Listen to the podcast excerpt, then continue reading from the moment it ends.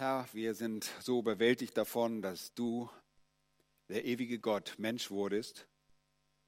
Wir sind so dankbar, dass du das fleischgewordene Wort, der ewige Gott, für uns ans Kreuz gegangen bist, dass du gestorben bist, aber dass du nach den Schriften auch auferstanden bist, nach deiner Verheißung.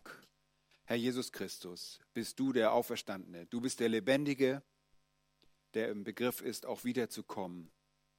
Danke, dass alle deine Aussagen, alle deine Wahrheiten, die du uns gegeben hast, so zuverlässig sind, dass wir ihnen vertrauen können, dass wir unser ganzes Leben darauf bauen können. Und das wollen wir auch jetzt tun, indem wir dein Wort erneut öffnen und von dir hören, was geschehen ist an diesem Tag der Auferstehung. Wir wollen dich darüber rühmen und anbeten, dich preisen. Segne du dein Wort an uns, um deines Namens willen. Amen. Ja, auch ich grüße euch mit den Worten, der Herr ist auferstanden. Und wie kann das anders sein, als dass ich über die Auferstehung des Herrn Jesus Christus heute Nachmittag predige?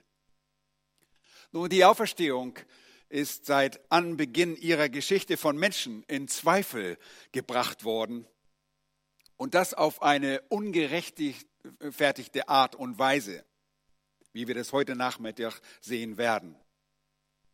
Im Laufe der Geschichte, selbst in der Geschichte unseres vermeintlich christlichen Abendlandes, wird die Auferstehung des Herrn Jesus in den letzten beiden Jahrhunderten auf skurrile Art und Weise behandelt und betrachtet.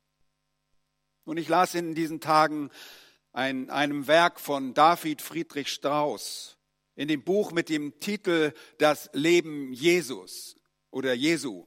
Und ihr wisst, dass mich das Thema schon sehr interessiert, weil ich selbst einmal über das Leben Jesu predigen möchte und es auch als ein Modul anbieten möchte.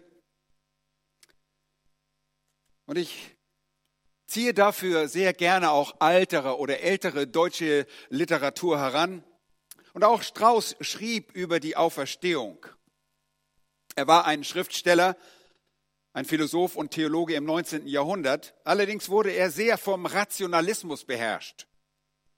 Und in den Anfängen der 1830er Jahre kam der damals noch sehr junge Strauß nach Berlin. Dort ging er ein, für ein halbes Jahr an die Universität zu Berlin, zu Berlin um unter anderem auch Hegel und den schon sehr alt gewordenen Schleiermacher zu hören, der hier wenig später im Jahre 1900, 1834 in Berlin starb. Nun, sicherlich tat das Hören dieser Männer seinem Denken und seiner Theologie nichts Gutes. Die Kombination seiner Tätigkeiten dazu als Schriftsteller, Philosoph und Theologe war für seinen Glauben an das Evangelium tödlich. Wie Schleiermacher, so leugnete auch Strauß die Auferstehung des Herrn. Und es war sicherlich das Verdienst des Schleiermachers, der in theologischen Kreisen und hier in Deutschland sehr bekannt ist. Zu Beginn des 19. Jahrhunderts war es sein Verdienst, dass der Christenheit seiner Zeit die ganz einzigartige Bedeutung der Person Christi im Christentum wieder ins Bewusstsein gebracht wurde. Traurig ist nur, dass nun ein Schleiermacher dennoch den Satz aufstellte und zu beweisen versuchte, dass die Tatsachen der Auferstehung Jesu und dessen Himmelfahrt sowie die Vorhersage der Wiederkunft Jesu zum Gericht nicht als eigentliche Bestandteile der Lehre von seiner Person aufgestellt werden könnten. Jesus könnte zwar gemäß Schleiermacher der Christus gewesen sein, auch das eben, aber eben das nur, wenn er nicht auferstanden ist und wenn er nicht gen Himmel gefahren sei. Nun, an dieser Stelle hakte Strauß ein und er spricht zumindest in dieser Sache recht. Wenn er behauptet, dass der Glaube an die Auferstehung Christi der Grundstein sei, ohne dem die christliche Gemeinde sich nicht hätte aufbauen können. Ja, auch jetzt noch, so sagte er damals, könnte der christliche Festzyklus, die äußere Darstellung des christlichen Bewusstseins, keine tödlichere Verstümmelung erleiden, als wenn aus dem selben das Osterfest ausgebrochen werde, werden würde. So Strauß. Überhaupt, so fuhr Strauß fort, könnte im Glauben der Gemeinde der gestorbene Christus nicht sein, wer er ist, wenn er nicht zugleich der Wiedererstandene wäre. Wow. Und das aus dem Munde eines Rationalisten. Ihr Lieben, das waren Debatten, wie sie vor 200 Jahren in unserem Land stattfanden. Ein großes Problem dabei war, dass gerade Strauß, der doch selbst die Realität der Auferstehung Christi leugnete, dem christlichen Bewusstsein die Wichtigkeit dieser Tatsache für das Ganze des christlichen Glaubens vorhalten musste. Während dem bekannten Theologen Schleiermacher, dem Christi Auferstehung von den Toten eine wohl verbürgte historische Tatsache sein musste, ihre fundamentale Bedeutung für die Person und das Werk Christi so auffallend verkennt. Nun, ihr Lieben, es ist keine Tragödie, wenn ihr die angeführten Theologen jener Zeit nicht kennt.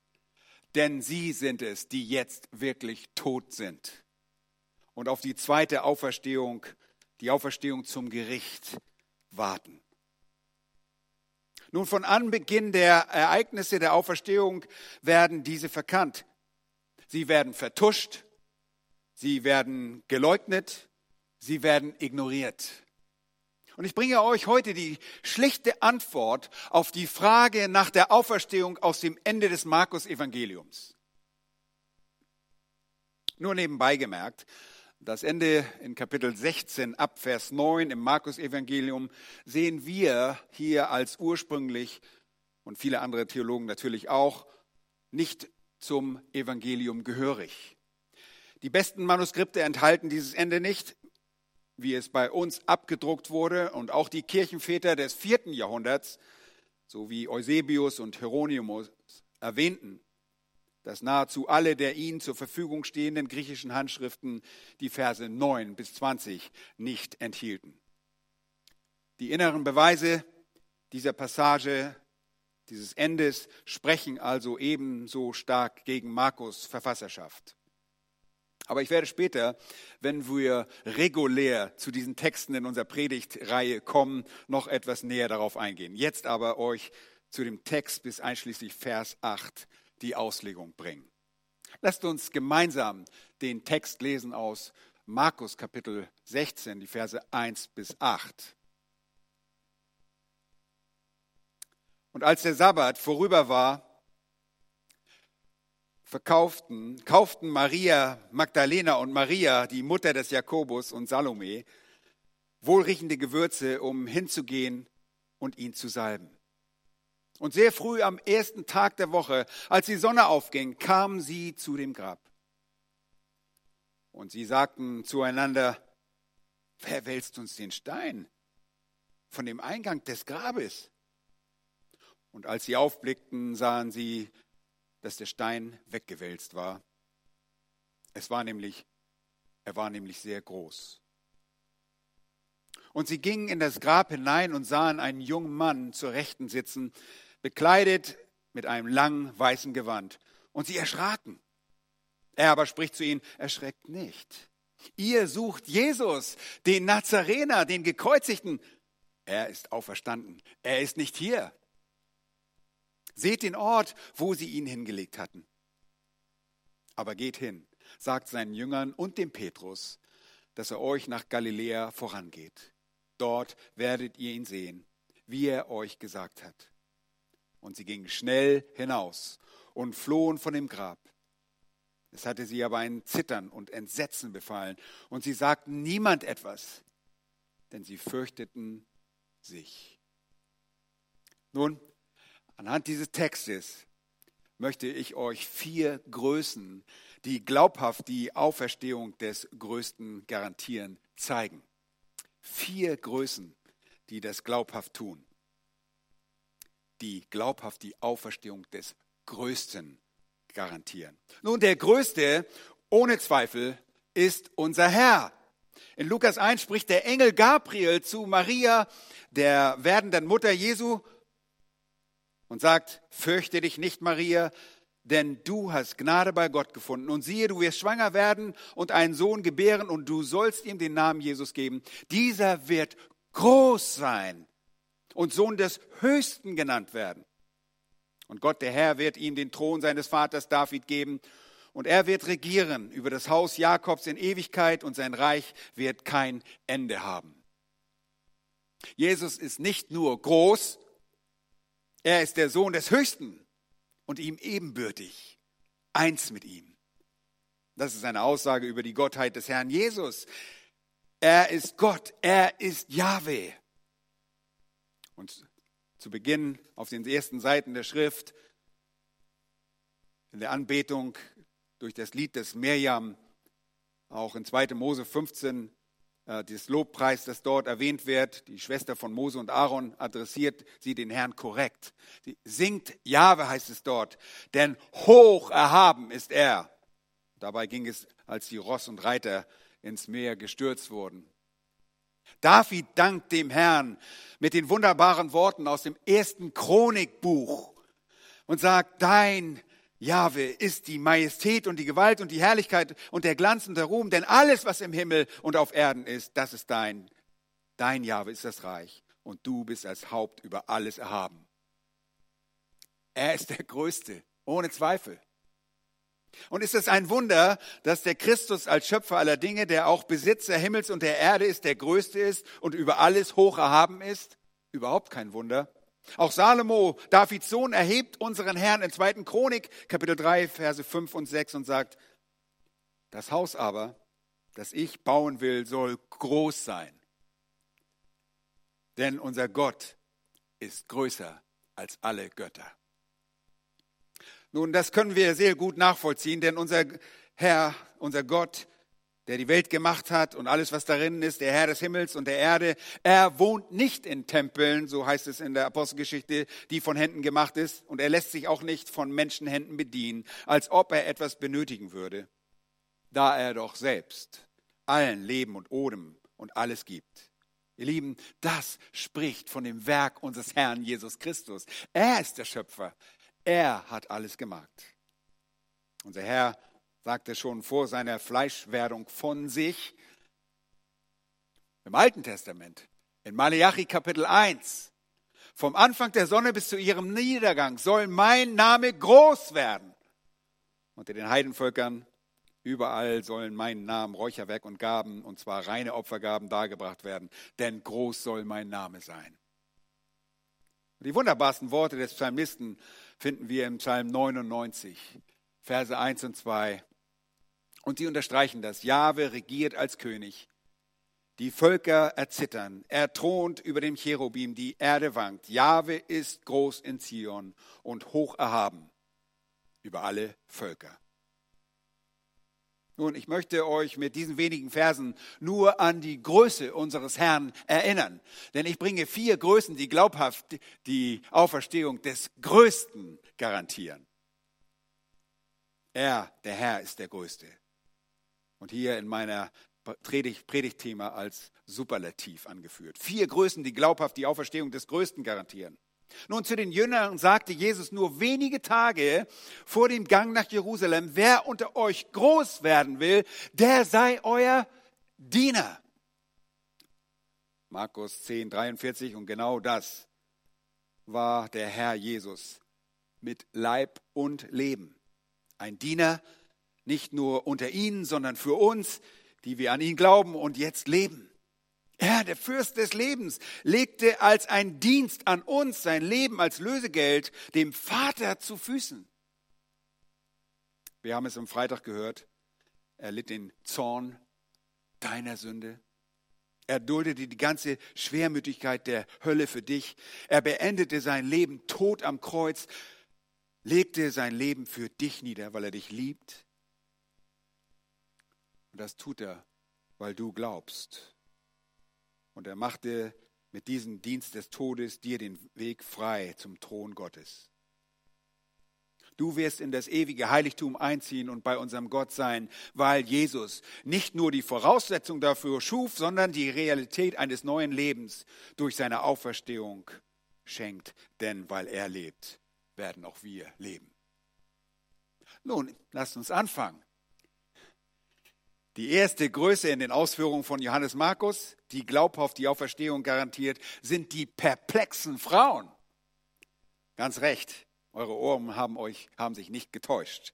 Die Frauen sind die erste Größe, die glaubhaft die Auferstehung bestätigt und garantiert. Die perplexen Frauen. Schaut mal in den Text.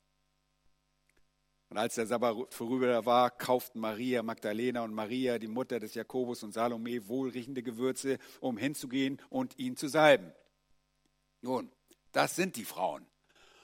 Und später sehen wir ihre Verwehrtheit, ihre, ihr Durcheinandersein, ihr Erschrecktsein, ihre Furcht. Aber hier sind diese Frauen. Hier werden drei Frauen erwähnt, die Jesus bereits in seinem irdischen Dienst begleitet und gedient hatten. Während die Jünger sich schon nach der Verhaftung, dem Verhör und bei der Kreuzigung rar, gemacht hatten, waren die Frauen nicht nur während des Sterbens am Kreuz anwesend, sondern auch jetzt in seinem Tod. Aber sie sind nicht nur einfach da, sondern sie gehen, um zu dienen. Und das jetzt in seinem Tod. Sie sind die wahren Großen. Die Großen sind nicht die streitenden Jünger, die über den Vorrang ihrer Stellung im Reich diskutierten, wie in Markus Kapitel 9, Vers 33, wo das berichtet wird, als Jesus die Jünger befragt in Kapernaum. Da fragte sie, was habt ihr unterwegs miteinander verhandelt? Oh, sie aber schwiegen, denn sie hatten unterwegs miteinander verhandelt, wer der Größte sei.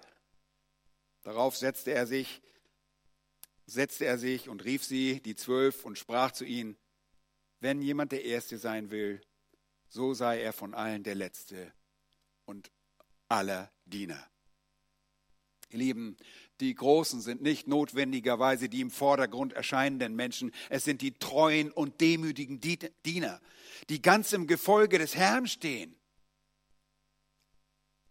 Und ich rufe euch die Verse aus Kapitel 10 sehr gerne und mir selbst auch immer wieder gerne in Erinnerung. Gerade sagte der Herr den Jüngern, ihr wisst, dass diejenigen, welche als Herrscher der Heidenvölker gelten, sie unterdrücken und dass ihre Großen Gewalt über sie ausüben. Gleich danach sagt er sehr eindrücklich in Vers 43, unter euch aber soll es nicht so sein, sondern wer unter euch groß werden will, der sei euer Diener. Wer von euch der Erste werden will, der sei aller, euer aller Sklave. Denn auch der Sohn des Menschen ist nicht gekommen, um zu, sich dienen zu lassen, sondern um zu dienen und sein Leben zu geben als Lösegeld für viele. Nochmal, seht ihr? Seht ihr, warum Christus der Größte ist, der Größte ist? Natürlich seht ihr das. Er kam, um zu dienen und uns durch das Geben seines Lebens gleichsam freizukaufen, indem sein Leben, das gezahlte Lösegeld an den Vater gegeben wurde. Aber auch die Frauen waren unermüdliche Dienerinnen. Und deshalb werden sie groß sein im Reich der Himmel. Sie kauften wohlriechende Gewürze, um hinzugehen, um ihn, Jesus, zu salben. Das taten sie gleich nach Ablauf des Sabbats, diesen Einkauf am Samstagabend, denn dort öffneten die Händler wieder ihre Geschäfte nach dem Sonnenuntergang. Und sie legten sich gleich diese Dinge zu, mit der Absicht, am nächsten Morgen den Herrn ordentlich zu waschen und ihm in den Tüchern mit wohlriechenden Gewürzen und Salbe zu salben. Oh, welch eine Ergebenheit im Dienst an ihren Herrn. Und deshalb sind sie auch die erste Größe, die glaubhaft die Auferstehung des Größten garantieren. Schauen wir uns noch mal etwas näher an.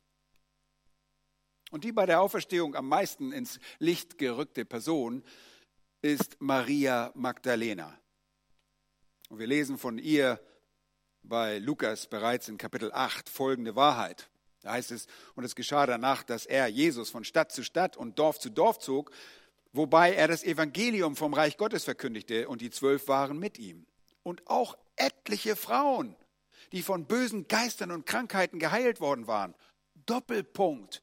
Maria Magdalena, von der sieben Dämonen ausgefahren waren.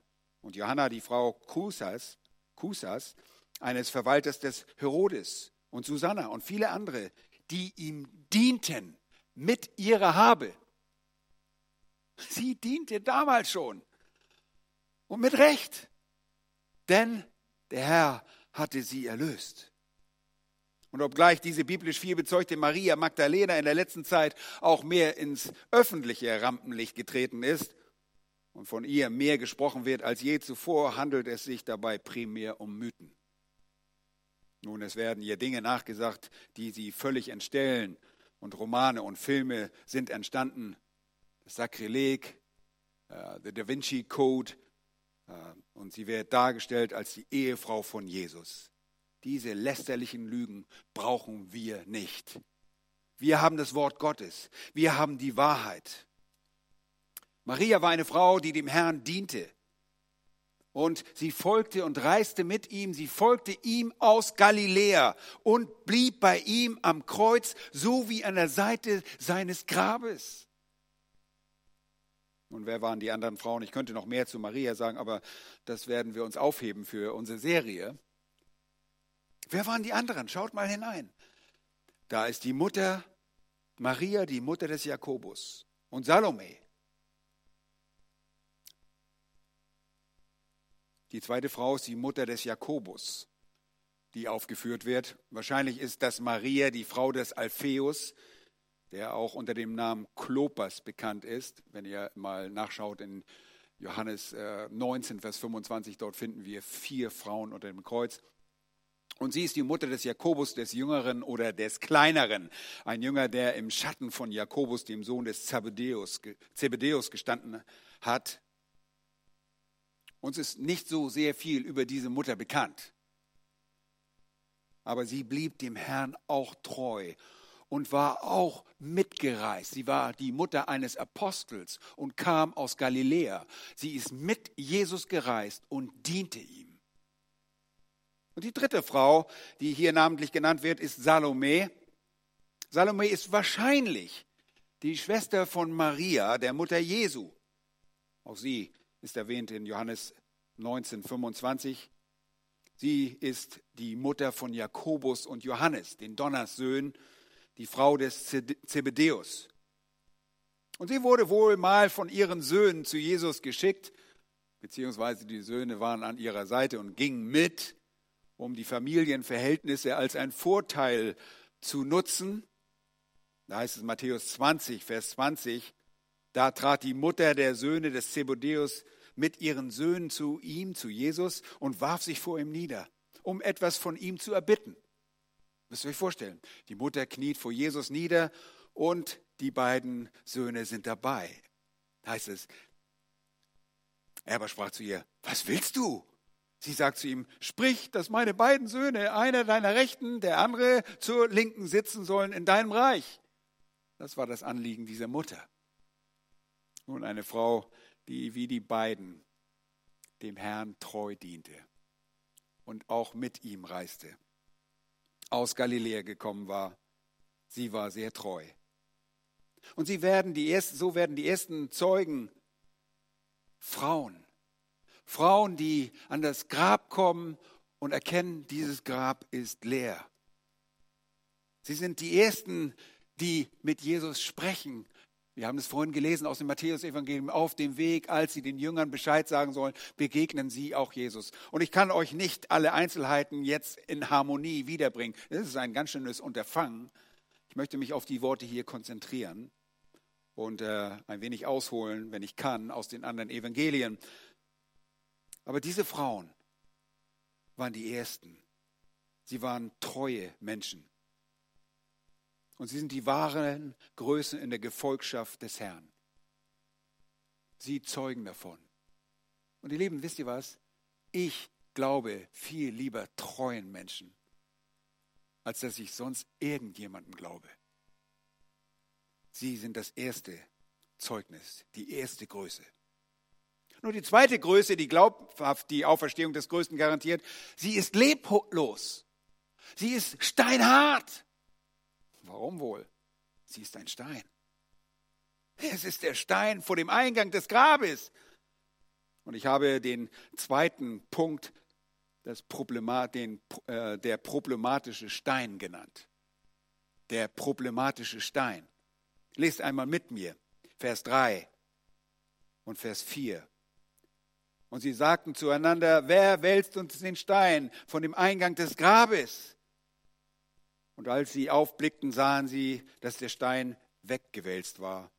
Er war nämlich sehr groß. Und dieses sehr groß war für Borchmann ein herzliches Willkommen für seine Einteilung. Das ist die zweite Größe. Er war sehr groß. Und die hier gestellte Frage, beziehungsweise das, was die Frauen hier beschäftigt hat auf dem Weg zum Grab, die war überaus berechtigt. Wer sollte ihn den Stein vom Grab wegrollen, um die Salbung an Jesus vorzunehmen? Sie waren nämlich Zeugen, wie am Passatage Jesus beerdigt wurde. Und sie sahen genau, wie dieser Stein von Josef von Arimathea, einem angesehenen Ratsherrn, nämlich dem Mitglied des Hohen Rates, vor das Grab gewälzt wurde.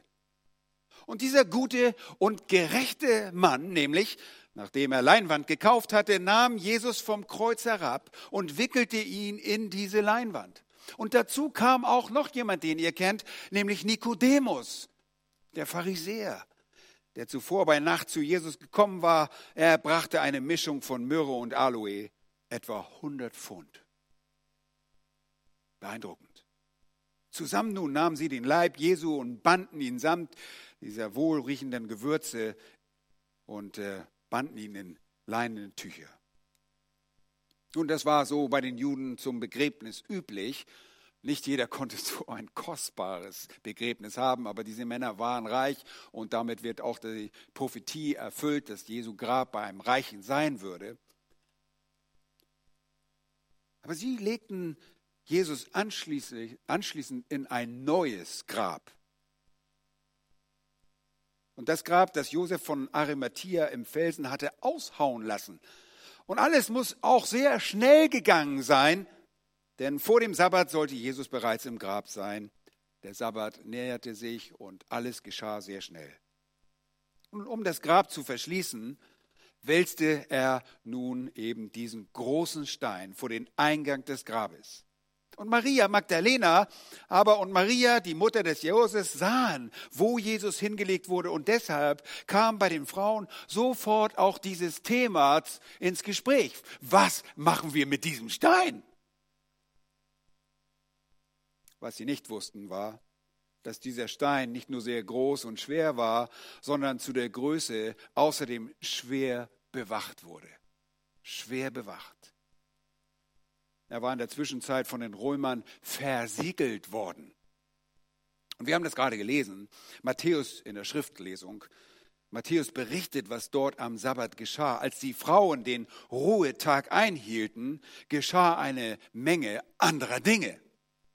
In Matthäus 27, Vers 62 lesen wir, am anderen Tag nun, der auf den Rüsttag folgt, das ist der Sabbat, am Rüsttag bereitet man sich für den Sabbat vor, versammelten sich die obersten Priester und die Pharisäer bei Pilatus, bei dem römischen Statthalter.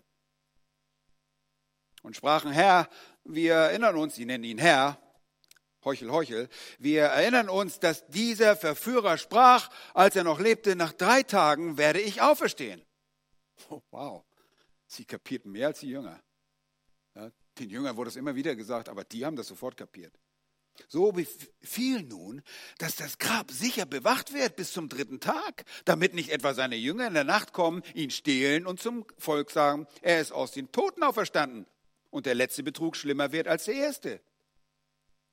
Pilatus aber sprach zu ihnen, ihr sollt eine Wache haben, geht hin und bewacht es so gut ihr könnt die beste Bewachung für dieses Grab. Und da gingen sie hin, versiegelten den Stein und bewachten das Grab mit der Wache. Seht ihr, warum das, dieser Stein eine Größe ist? Dieser, dieser Stein war nicht nur groß, sondern er war von den Römern versiegelt worden.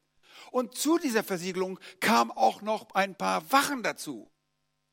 Wie sollten die Frau da für eine richtige Behandlung dem Waschen, das wahrscheinlich vor der Grablegung nicht so gründlich von diesen Männern stattgefunden hat, das wollten sie nachholen. Sie wollten einbalsamieren. Sie wollten an den Körper des Herrn ran und konnten nicht. Denn der Stein war schwer, der Stein war versiegelt und auf dem römischen Siegelbruch stand die Todesstrafe.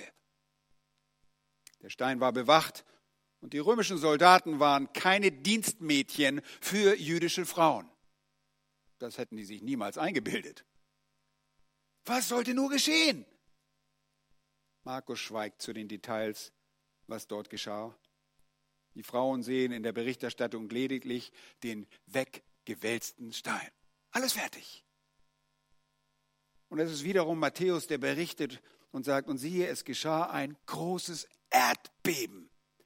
Denn ein Engel des Herrn stieg vom Himmel herab, trat herzu, wälzte den Stein von dem Eingang hinweg und setzte sich da drauf. Ist das nicht wunderbar? Matthäus 28, Vers 2. Nun, ich möchte euch heute Nachmittag nicht versuchen, die ganze Evangelium-Harmonie dieser geschichtlichen Passer-Auferstehungsereignis wiederzugeben. Aber der Stein ist zentral und ein großer Beweis für die Auferstehung des Herrn. Im Matthäus-Evangelium lesen wir ein wenig später, was daraus wurde. Nämlich die Wachpersonen standen offenbar unter Schock, als dieser Engel kam. Und als dieses Erdbeben geschah, Sie sehen diesen, diesen Engel, der wie der Blitz war und sein Gewand weiß wie der Schnee. Von seinem furchtbaren Anblick aber erbebten die Wächter und sie waren wie tot. Und irgendwann haben sie sich wieder aufbe, aufgerappelt und äh, aus ihrem Trance oder was auch immer sie da waren und kamen zu sich und etliche der Wache kamen dann, wie wir gelesen haben, gerade dort in diesem Kapitel ab Vers 11, kamen etliche von der Wache in die Stadt und verkündigten den obersten Priestern alles, was geschehen war. Und diese versammelten sich samt den Ältesten. Und nachdem sie Rat gehalten hatten, gaben sie den Kriegsknechten Geld genug und sprachen, sagt, seine Jünger sind bei Nacht gekommen und haben ihn gestohlen, während wir schliefen. Und wenn dies vor den Statthalter kommt, so wollen wir ihn besänftigen und machen, dass ihr ohne Sorge sein könnt. Sie aber nahmen das Geld und machten es so, wie sie belehrt worden waren. Das war ein guter Tausch. Schlecht bewachtes äh, Grab konnte ihnen das Leben kosten. Und so wurde dieses Wort unter den Juden verbreitet bis zum heutigen Tag, sagt Matthäus in Kapitel 28. Diese Lüge Jesu blieb bestehen bis zu dem Tag und ist heute noch da. Und ist typisch satanisch, wie übrigens jede Sünde, äh, Lüge. Aber hier besonders ersichtlich, weil diese Menschen nicht glauben wollten, dass Jesus in der Lage war, sein eigenes Leben wieder selbst aufzunehmen. Dennoch, Jesus ist auferstanden. Und der Herr ließ dafür einen großen Beweis für uns zurück. Der von den Frauen bezeugte bewegte Stein und dieser Stein musste zwar nicht um Jesu willen weggerollt werden, kein Problem für Jesus aus einem verschlossenen Grab hervorzutreten. Als Schöpfer und äh, Besitzer dieser Welt ist es kein Problem für ihn. Aber gnädigerweise hat der Engel, der Bote des Herrn, diesen Stein weggerollt, damit Menschen wie die Frauen dort hineingehen konnten und auch später die Jünger. Dieser Stein der musste nicht weggerollt werden. Er war ein Krümel für den Herrn. Der Herr bewegte seine dienstbaren Geister dazu, damit die Frauen sehen und hineingehen konnten. Und wir erfahren sollten, was mit Jesus geschehen war. Die Barriere eines Steines, nochmals, ist für den Allmächtigen kein Hindernis. Und so zeugt dieser Stein, dieser weggerollte Stein bezeugt von diesem leer, spricht von diesem leeren Grab. Und die erste Größe waren die Frauen, die das alles miterleben durften. Die zweite Größe der Stein. Und die dritte Größe, die die Auferstehung des Größten garantierte, war ein Geist. In diesem Text. Ein dienstbarer Geist, der in Menschen gestandelt kam und gegenwärtig war als die Frauen in das Grab kamen. Und ich lese die Verse 5 bis 7. Und sie gingen in das Grab hinein und sahen einen jungen Mann zur Rechten sitzen, bekleidet mit einem langen weißen Gewand, und sie erschraken. Er aber spricht zu ihnen, erschreckt nicht. Ihr sucht Jesus, den Nazarener, den Gekreuzigten. Er ist auferstanden. Er ist nicht hier. Seht den Ort, wo sie ihn hingelegt hatten. Aber geht hin, sagt seinen Jüngern und dem Petrus, dass er euch nach Galiläa vorangeht. Dort werdet ihr ihn sehen, wie er euch gesagt hat. Drittens, die dritte Größe ist der präsente Bote Gottes. Präsente, der gegenwärtige Bote Gottes. Und hier ist von einem jungen Mann die Rede mit weißem Gewand. Markus fokussiert sich auf den Einboten, der, wie wir wie sehr leicht anhand von Schriftstellen vergleichen, erkennen können, ein Engel war. Lukas berichtet, da standen zwei Männer in strahlenden Gewändern. Markus konzentriert sich auf diesen einen. Während die Frauen ratlos waren und die Situation nicht einzuordnen wussten, ist ein Bote beziehungsweise zwei Boten zur Stelle. Und die Begegnung mit einem Boten Gottes, einem Engel, ist immer in der Bibel mit Schrecken derjenigen verbunden, die ihm begegnen. Sie waren sicherlich nicht nur über die Umstände im Grab, sondern auch gerade über diesen Engel erschrocken. Und ich meine, wie viele Engeln, wie vielen Engeln seid ihr im Laufe eures Lebens begegnet? Wie war das bei euch, wenn ihr an das Grab einer euch geliebten Person gekommen seid? Wie viele Engel habt ihr dort gesehen? Ja, genauso viel wie ich, ganz genau. Kein. Absolut nicht. Kein einzigen. Und ich bin mir zwar sicher, dass die Engel dem Herrn dienen und auch über uns wachen, aber gesehen haben wir keinen davon. Diese Engel lösten ein Erdbeben aus. Dieser Engel löste ein Erdbeben aus und hatte den Stein weggerollt und war jetzt damit beschäftigt, die Frauen zu beruhigen. Er aber spricht zu ihnen, erschreckt nicht. Und das war offensichtlich bei dieser Art der Erscheinung und den unerwarteten Ereignissen eine sehr einfühlsame Art dieses Engels. Und ihr Lieben, inwiefern sind Engel eine Größe? Wenn es die dritte Größe ist, die glaubhaft die Auferstehung begleitet, wisst ihr, ich muss so oft an die Stelle aus dem Hebräerbrief denken. Was sind Engel? Dienstbare Geister. Was habe ich gesagt? Die Frauen haben gedient, waren deshalb eine Größe. Der Herr Jesus hat gesagt, äh, derjenige, der dient, der ist groß. Nun, diese dienstbaren Geister, diese Engel waren keine gefallenen Engel. Sie taten alles, was der Herr wollte. Absolut kein Widerspruch. Alles, was hier geschieht, entspricht dem Willen des Gottes, dem sie dienen. Nun, er sagt ihnen zunächst ins Gesicht, was sie gerade tun. Ihr sucht Jesus. Oh, ja, sehr gut. Und sofort darauf offenbart er ihnen die Wahrheit über den Verbleib von Jesus. Und das ist ein wunderbares und deutliches Ereignis, ein klares Zeugnis eines Boten des Herrn. Und schon zuvor im Leben von Jesus sind Engel aufgetreten. Ist euch das mal aufgefallen? Die Bibel ist geradezu voll von den Zeugnissen von Boten Gottes, von himmlischen Boten Gottes. Das sehen wir schon bereits in den prophetischen Reden, sprechen Engel über Jesus. Dann auch in der Ankündigung seiner Geburt. Zunächst, dass er geboren werden soll und dann, dass er geboren worden ist. Und sie treten immer und immer wieder auf. Und diese Engel dienen ihm nach Jesu Versuchung in der Wüste. Seht ihr? Und es ist nicht verwunderlich, dass jetzt Engel da sind. Und das tun sie bis zu seiner Himmelfahrt. Da stehen auch zwei Männer. Wohl einige sagen, dass es vielleicht Mose und Elia sind, die da stehen. Aber Engel dienen und sind eine Größe, die jetzt bezeugen, dass Jesus Christus auferstanden ist. Und die rhetorische Frage des Hebräerbriefschreibers können wir mit Ja beantworten. Der Schreiber des Hebräerbriefes fragt nämlich, sind sie nicht alle dienstbare Geister, diese Engel, ausgesandt zum Dienst um derer willen, welche das Heil erben sollen? Antwort, ja, das sind sie. Wie wunderbar. Sie wurden nicht nur für den Dienst direkt am Herrn und für die Frauen gesandt, sondern auch für uns, damit wir glauben würden. Und dieser Engel sagt, ihr sucht Jesus, den Nazarener, den Gekreuzigten. Er ist auferstanden, er ist nicht hier. Seht den Ort, wo sie ihn hingelegt hatten. Und ich weiß nicht, ob die Frauen überhaupt noch was sehen konnten.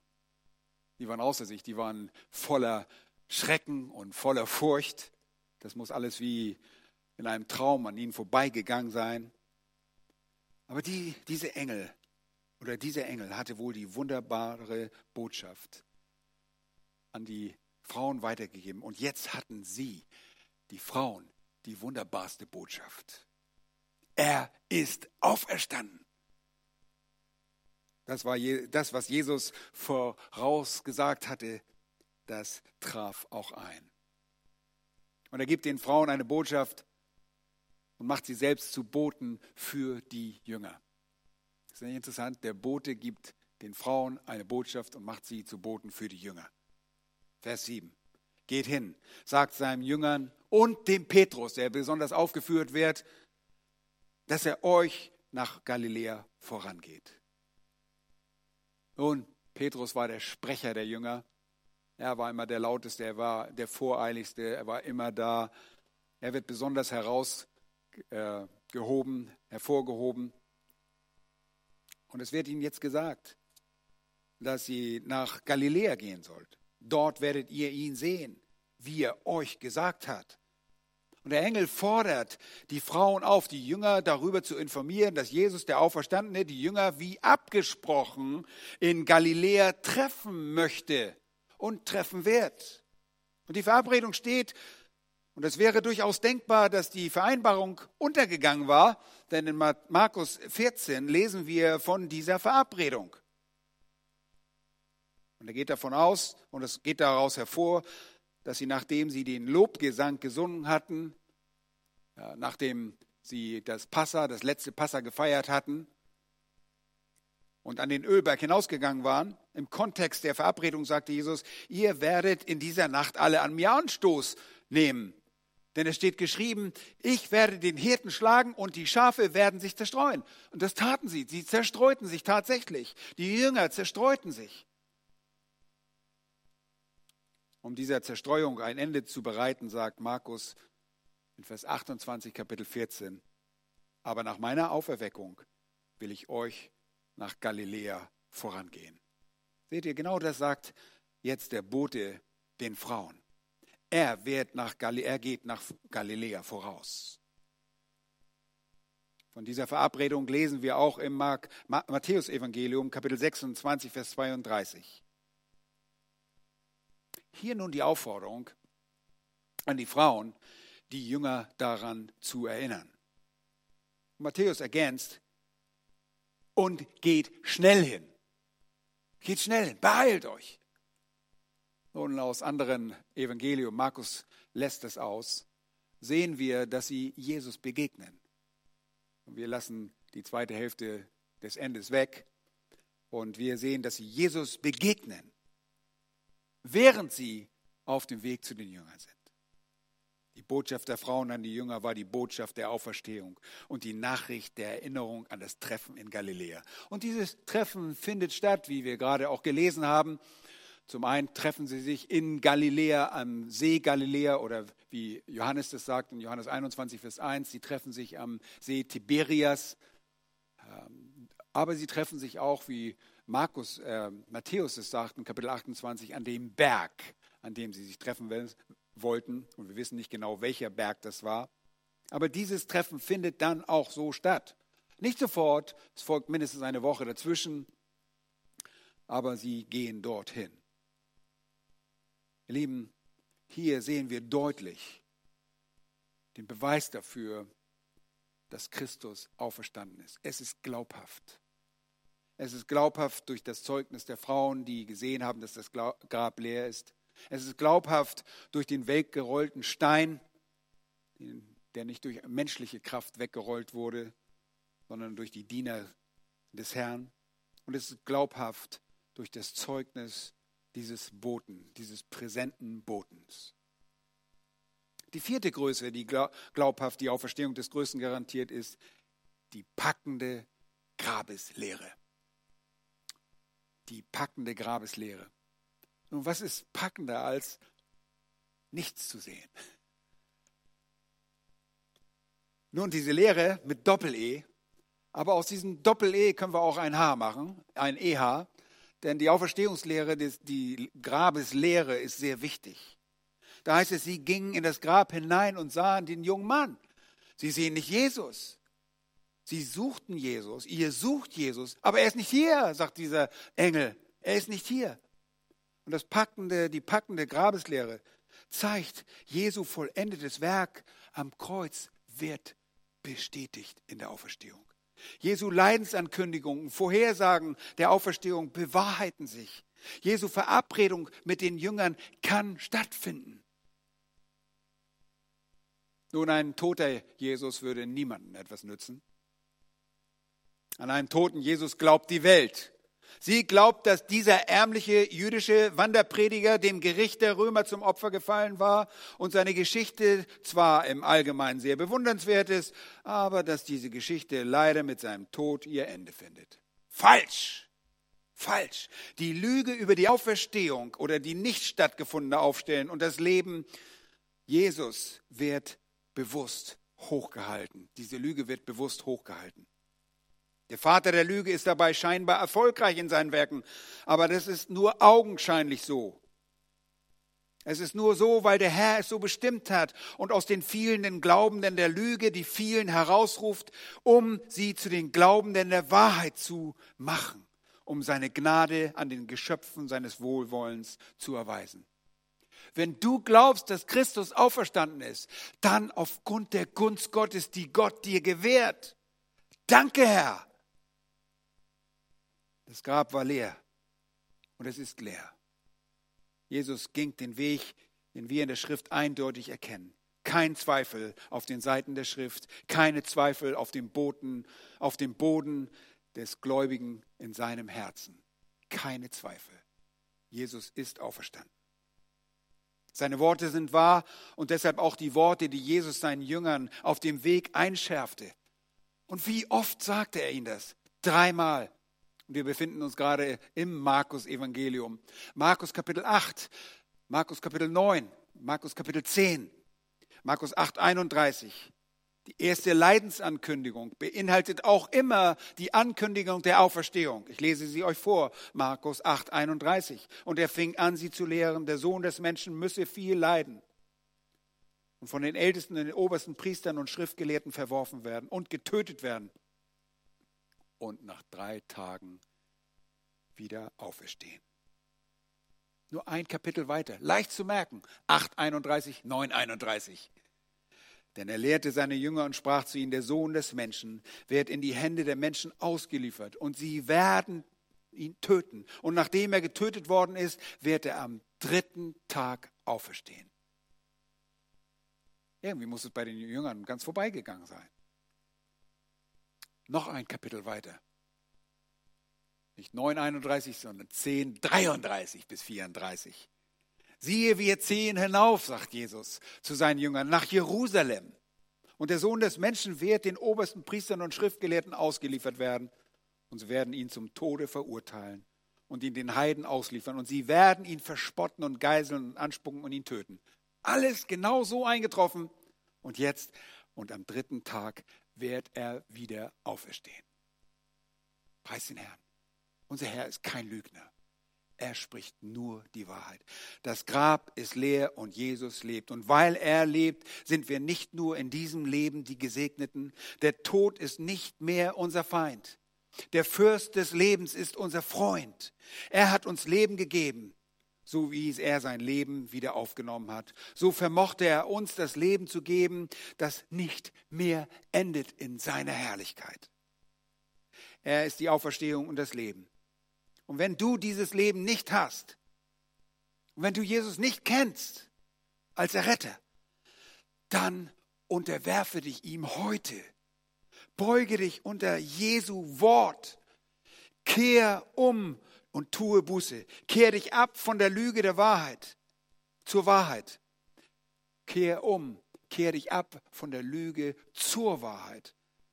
Denn Jesus sagt, ich bin der Weg und die Wahrheit und das Leben. Niemand kommt zum Vater als nur durch mich. Du musst daran glauben, dass Jesus auferstanden ist.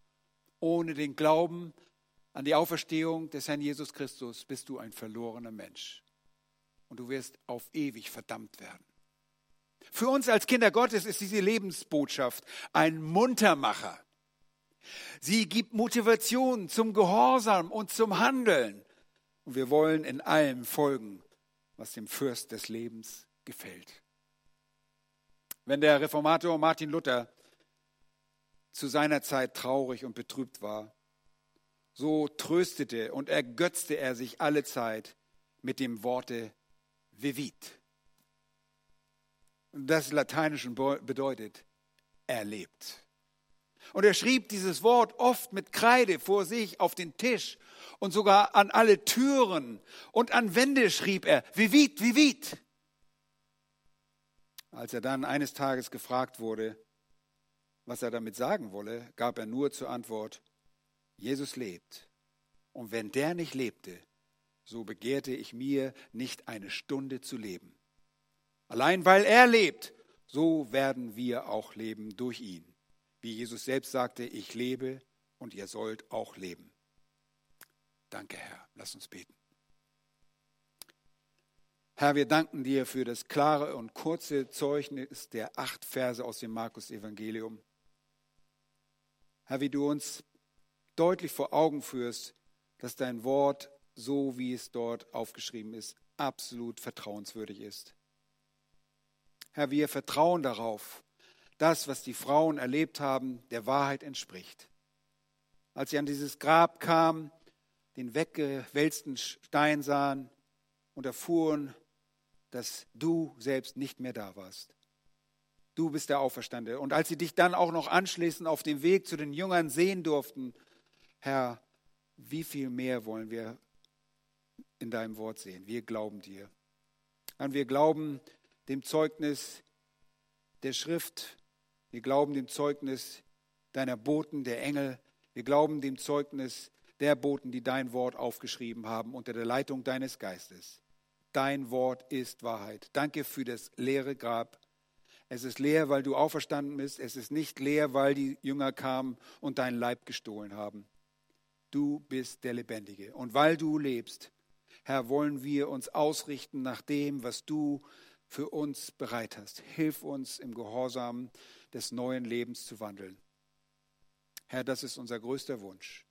Herr, wir beten auch für Menschen, die dich nicht kennen, die dich so als Auferstandenen nicht kennengelernt haben, die das auch als einen Mythos oder als irgendeine Fantasie abstempeln.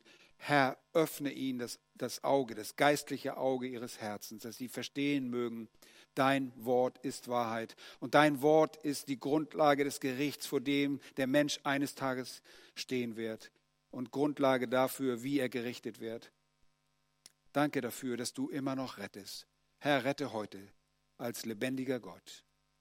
Wir lieben dich und danken dir von ganzem Herzen. In Jesu Namen. Amen.